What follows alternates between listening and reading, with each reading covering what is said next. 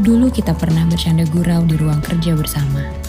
Tapi sekarang, kita bayar rindu lewat podcast dulu ya.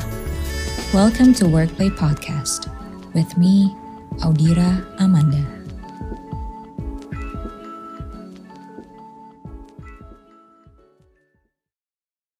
Halo teman Workplay, apa kabarnya? Hari ini aku mau ngomongin tentang krisis nih krisis PD pas udah jadi ibu. Nah, apa tuh maksudnya?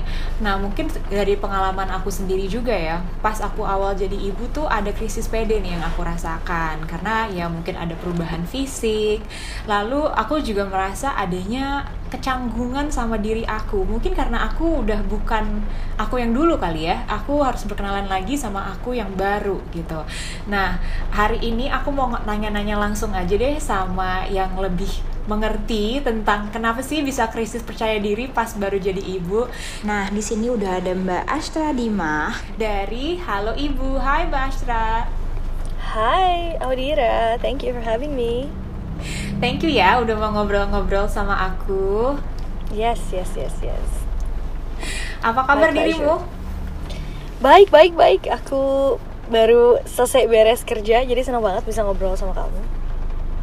Thank you, thank you, Mbak Astra. Nah, aku pengen hmm. nanya nih, kayak tadi aku bilang di awal, bukan, uh, bukan aku aja ya, pasti ada yang juga pernah merasakan adanya krisis hmm. percaya diri, Mbak Astra, ketika kita hmm. menjadi seorang ibu baru gitu. Nah, hmm. boleh nggak sih Mbak Astra diceritakan sebenarnya apa sih yang dirasakan seorang ibu pada masa transisinya dia yang baru itu? Oke, okay, jadi ketika kamu you stepping into motherhood, ketika kamu dinyatakan menjadi ibu dengan dua garis biru atau dengan pada saat proses persalinan, uh, kamu tuh bukan lagi individu yang sama. Kenapa? Hmm. Karena ada banyak hal yang berubah darimu, dari dirimu, dari mulai emosi, uh, spiritual, fisik, psikologis.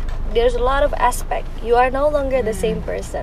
Jadi Audira sama Astra yang lagi single sampai ke Astra Audira hamil sampai melahirkan, we are a different person. And then kalau kamu punya anak lagi, kamu udah berubah lagi tuh. Kenapa? Karena hormonnya nih, kan kalau lagi hamil tuh kan hormon kita meningkat sampai 1000% Ketika kita sudah melahirkan, kita hanya turun 200% dan masih 800% dalam tubuh. Of course, there's so many things Our point of view in life is different. Kalau kalian kehilangan teman, abis menjadi ibu, tunjuk tangan. Well aku juga. Aku... karena ya kita udah bukan orang yang sama ya dir. Kita udah yeah, berubah. yeah, yeah. dan ini kadang-kadang yang menyakitkan ya buat jadi ibu. Untuk tahu mm -hmm. celana jeansnya berubah kalau aku sih berubah. Aku sepatu ya kan? So uh -uh. cara kita berpakaian karena tubuh kita pun berubah. Mm -hmm. dan perubahan-perubahan ini kan gak di acknowledge sama kita dan hmm. ini kadang sih yang bikin transisi menjadi ibu itu sulit seakan-akan kalau udah jadi ibu kita tetap sama bisa balik lagi tuh kayak dulu pergi keluar hmm. uh, nyetir bye bye hmm. anak eh bye bye diri sendiri kalau nggak sekarang nggak karena yang teleponin terus terusan ada yang Betul. mami ibu bunda nggak mungkin we are no longer the same person itu dulu disadari hmm. dulu being conscious that you are no longer you but you are transitioning to this new you.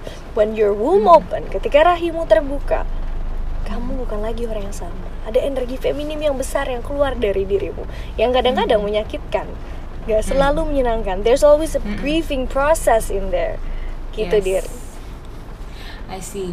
Nah uh, kalau kita ngomongin sebenarnya lebih dari yang itu ya tadi ya mbak krisis PD akan fisik ya. Mungkin adalah beberapa orang yang merasakan itu gitu. Nggak dan nggak semua orang bisa dengan semudah itu gitu ya bisa menerima perubahannya yang baru gitu. Nah tapi kita bicara tentang mungkin perubahan mental itu tadi ya Mbak Asra kamu juga sempat mention tentang hormon kita yang belum kembali 100% lagi gitu ya karena udah habis naik ribuan gitu kan. Nah sebenarnya tuh kenapa sih bisa terjadi krisis percaya diri pada ibu gitu ya dalam dalam segi mentalnya ya? Kalau misalnya aku kasih contoh sedikit gitu. Misalnya dulu kita kalau foto selfie di HP terus diupload itu santai-santai aja gitu. Nah pas udah jadi ibu gitu ya mau foto itu tuh pasti ada banyak kecanggungan, ada banyak konsiderasi gitu ya. Kadang-kadang malah aduh nggak pede deh gue foto sendiri, gue mau foto sama anak gue aja deh atau enggak isinya HP isinya muka anak semua gitu ya sampai kita kalau mau nyari foto sendiri tuh bingung karena udah nggak ada foto yang baru gitu kan Iya. isinya galeri HP tuh isinya foto anak semua. Nah itu Bener, kenapa bener, ya bener. Mbak kita bisa merasakan hal itu? Mhm. Kalau yang dari kita obrolin nih ke- kelas yang aku ajarin namanya kelas menjadi ibu.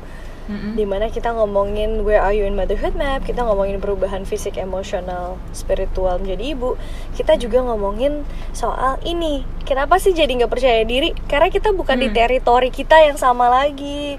Ya nggak sih? Kalau dulu kan semuanya looks familiar feels familiar feels comfortable. When you becoming a mother and then you see your body changes from this small girl into this huge mom because you have baby inside your tummy and then after that you have to release. Kan ada ada satu momen ingat gak sih waktu kita habis lahiran re- regardless you have cesarean regardless you have, you have vaginal birth pasti ada perutnya tuh kayak kok perut gue tiba-tiba kosong ya?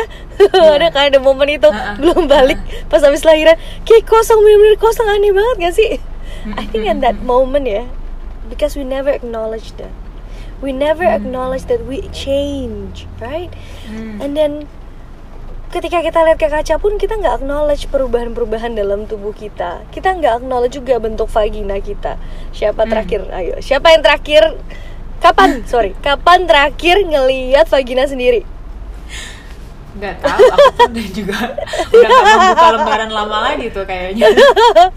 so looking out to your vagina looking out to your womb itu tuh juga penting. Hmm. so you're connected with your body. You're connected with who you are and your ground of course dengan tadi ya eksplorasi. Kadang-kadang kalau jadi ibu yang dieksplorasi looknya selalu anak kan beli baju anak.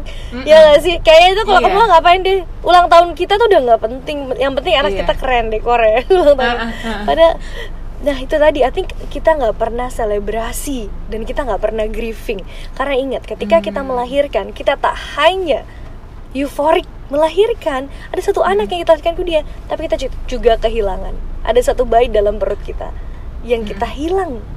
Ada proses perpisahan. When the center of the world is you when you're pregnant and the center of the world move to this little baby who needed Yes. you. And that big transition itu kayaknya yang banyak banget bikin ibu nggak sadar kalau dia tuh nggak percaya lagi sama dirinya dan semua dikerahkan ke anaknya. Padahal Hmm. Hakikatnya you cannot be a good mom. You cannot be a happy best mom if you never ever appreciate yourself. Because appreciating mm. yourself means that your child is being appreciated. Gitu sih. Dear. Wow, that's that's a big word ya. Jadi memang kadang kita tuh suka ini ya Mbak. Jadi lupa ya kalau misalnya kita tuh bukan bukan apa ya, bukan vending machine gitu ya. Once the baby is out dan dan dan kayak ya udah gitu kayak all all the focus cuman kayak di bayinya aja. Kita tuh lupa tentang meng-acknowledge perasaan kita yang baru, transitioning kita dari mungkin dari gadis gitu ya, terus tiba seorang ibu gitu. Jadi kayak em, kita lupa untuk menyadarkan aku pun terlahir juga gitu ya menjadi seseorang yang baru gitu. Nah, kalau misalnya kita ngomongin tadi ya Mbak soal ya krisis percaya diri gitu-gitu. Sebenarnya ada nggak sih Mbak Astra cara untuk kita bisa getting our mojo back lah gitu kan? Maksudnya kita nggak selamanya merasa bingung di badan kita yang baru gitu. Gimana sih caranya kita bisa perlahan mulai berkenalan lagi sama diri yang baru, mulai em, percaya diri lagi gitu? Okay, it's really great question. Gini dir, the first thing to heal, the way the way to heal yourself is talking about your birth. Obrolin persalinanmu, karena itu transisi mark gitu ya, satu transisi yang gede banget. Siapa yang ada di situ? Kenapa ada di situ? Apa yang menyenangkan? Apa yang traumatis? Apa yang kamu pengen bawa di kelahiran berikutnya? Apa yang pengen kamu tinggalan? What wisdom you have? And then what trauma you don't wanna have. Jadi diobrolin kelahirannya, terus post postpartumnya, masa itu juga diomongin. Ketika kedua-duanya udah diomongin, di acknowledge, di acknowledge lagi. Kirim satu surat, tulis satu surat buat dirimu yang lama, and say goodbye. That you are no longer the same person. Dear Audira, dear Astra. I think you are great, you are wonderful, but it's time to move on because I'm no longer that person. I am now a new me. I'm no longer size 4. Apparently I'm now size, size 10 and I I'm okay. It's hard. And also I think afirmasi sih ke diri. Kapan sih kamu terakhir memuji diri kamu sendiri ya?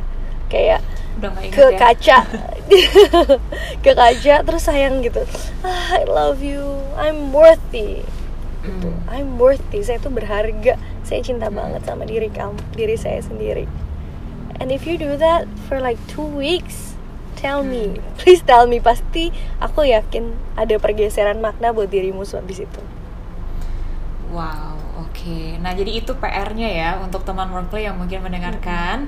Salah satunya adalah yang pertama, tulis surat untuk dirimu yang lama. Memang kita butuh saying goodbye ya Mbak Astra ya. Memang terkadang ada chapter yang harus kita tutup untuk kita bisa membuka lembaran baru lagi gitu. Karena memang harus kita akuin we are no longer the same person. Jadi kita terlahir ketika anak itu lahir, kita pun terlahir menjadi orang yang baru gitu. Jadi we have to acknowledge that. Mbak Astra, aku juga pengen nanya Mhm. deh. Mungkin ada teman-teman di sini yang juga merasa aku kayaknya butuh dia bercerita tentang eh, perjalananku eh, menjadi seorang ibu ya, mungkin melahirkan gitu kan. Um, tapi kayaknya aku merasa canggung kalau aku harus cerita dengan uh, temanku atau mungkin orang tuaku. Ke mana mereka bisa bercerita, Mbak Asra? Yes, yes. Jadi kalau di Halo Ibu itu kita punya namanya pengakuan ibu. Kalau kamu pengen cerita, kamu boleh cerita. Terus udah gitu, ini anonim biar nanti komen ibu-ibu yang lain bisa ngebantuin kamu. Terus kalau kamu pengen lebih, come to our meditation session every Monday, and then let's do affirmation together and pour your story. Karena kita selalu encourage kamu untuk release everything inside of you. Kalau if you want more, come to our lingkaran ibu there's gonna be one uh, tapi in December or January kita punya itu juga lalu uh, kalau kamu pengen lebih juga yes come to kelas menjadi ibu and share your story sambil ikutan gimana sih acknowledge all the feeling that is inside of you and acknowledging all you need to know of becoming a mother karena kadang-kadang menjadi ibu itu bukan suatu yang natural tapi sesuatu yang perlu diterima perlahan. Gitu Audira Uh, iya betul banget sih. Sesuatu yang harus kita terima perlahan. Thank you so much for the eye-opening uh, sharing ya Mbak Astra. Semoga juga bisa membantu untuk teman workplay yang mendengarkan podcast ini. Mbak Astra, semoga sehat-sehat selalu dan sampai kita ketemu lagi ya. Udah lama banget ya Iya, ketemu. ya ampun. Terima kasih banyak ya Audira. Aku seneng banget diajakin. Terus aduh workplay, aku tuh pengen banget kerja susah. Kalau kerja pasti aku tinggal taruh sama hija. Bisa kerja di situ. Aku Betul. kangen banget. Semoga Iya, bisa segera semoga. buka ya. Betul, Dan betul, pandemi Mbak. berakhir. Semoga. Amin, amin, amin. Thank you so much Mbak Astra from Halo Ibu. Thanks ya Mbak Astra. Oke, bye.